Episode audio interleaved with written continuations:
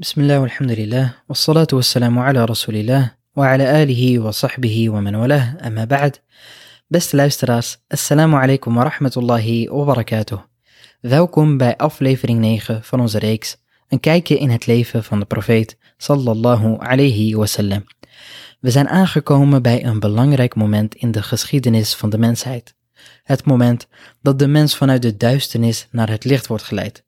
Maar voor we het gaan hebben over dit kantelpunt, lijkt het mij goed om eens te gaan kijken waarom de nood zo hoog was. En dat het moment was aangebroken voor de komst van een profeet. Met wat voor soort mensen had onze profeet sallallahu alayhi wasallam nu precies op het moment dat hij zijn uitnodiging naar de islam begint te maken? Het geloof dat ons opdraagt dat niets het recht heeft om aanbeden te worden behalve Allah subhanahu wa ta'ala. Eerder in deze reeks hebben het gehad over het ontstaan van Mekka. En het geloof dat de mensen in Mekka hadden was in eerste instantie afkomstig van Allah subhanahu wa ta'ala. Ibrahim a.s. en Ismail a.s. verkondigden het tawhid, dat niks en niemand het recht heeft aanbeden te worden behalve Allah subhanahu wa ta'ala. En verder riep Ibrahim a.s. de mensen op de hajj te verrichten, de bedevaart naar Mekka en het aanbidden van Allah subhanahu wa ta'ala bij de heilige Kaaba. En dit werd het geloof van de Arabieren in Mekka. Generaties lang bleven zij op het geloof van Ibrahim a.s. en Ismaïl totdat zij langzamerhand verzwakten en stap voor stap innoveerden in het geloof. En deze ontwikkeling kwam in een stroomversnelling toen Amr ibn Luhay beelden naar Mekka bracht die naast Allah subhanahu wa ta'ala werden aanbeden. En Mekka was een centrale punt waar ook andere Arabische stammen samenkwamen. Die kwamen daar voor de bedevaart en voor de handel. Dus het duurde ook niet lang alvorens zij deze afgoderij kopieerden en ook beelden gingen aanbidden. Tot op een gegeven moment elke stam een afgodsbeeld had geplaatst rond de Kaaba. En op een gegeven moment had je maar liefst 360 beelden rond de Kaaba.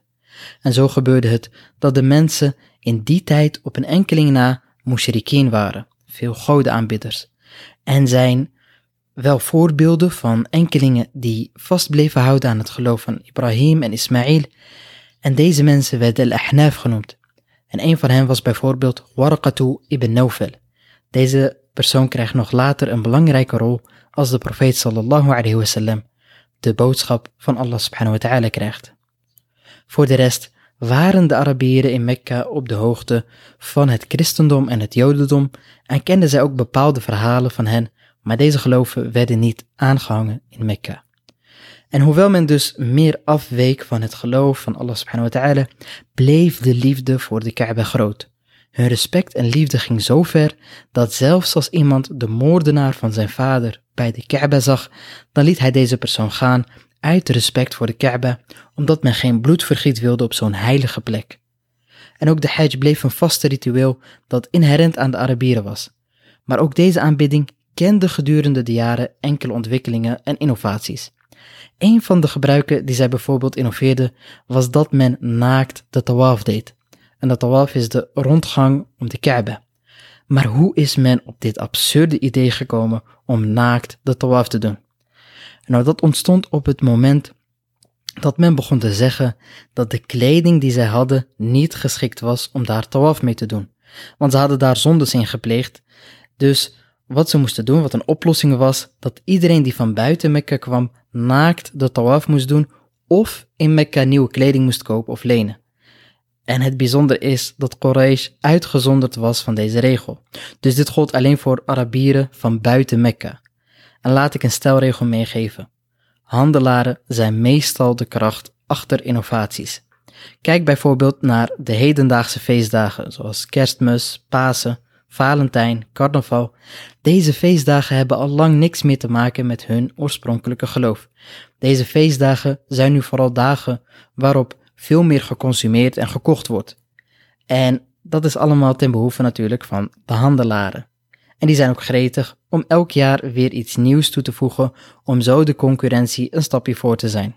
En zo ook dit krankzinnige idee dat men naakt de tawaf moet doen of dat ze nieuwe kleding moesten kopen of lenen van Quraysh.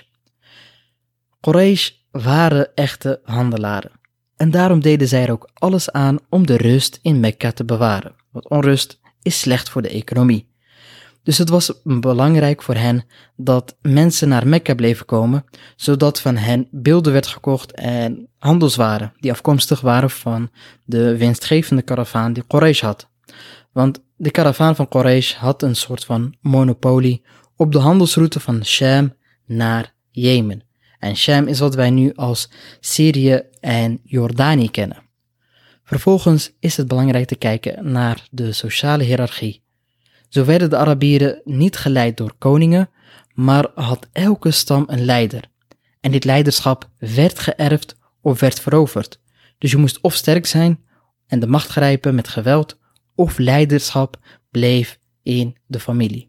En zo kreeg je bij de Arabieren vooraanstaande families en zwakke families, die weinig te zeggen hadden en die onderdrukt werden door de sterkere families. Voor wat betreft de positie van de vrouw in die tijd. Aan de ene kant had je vrouwen zoals Khadija, die tot de vooraanstaande behoorden en gerespecteerd werden.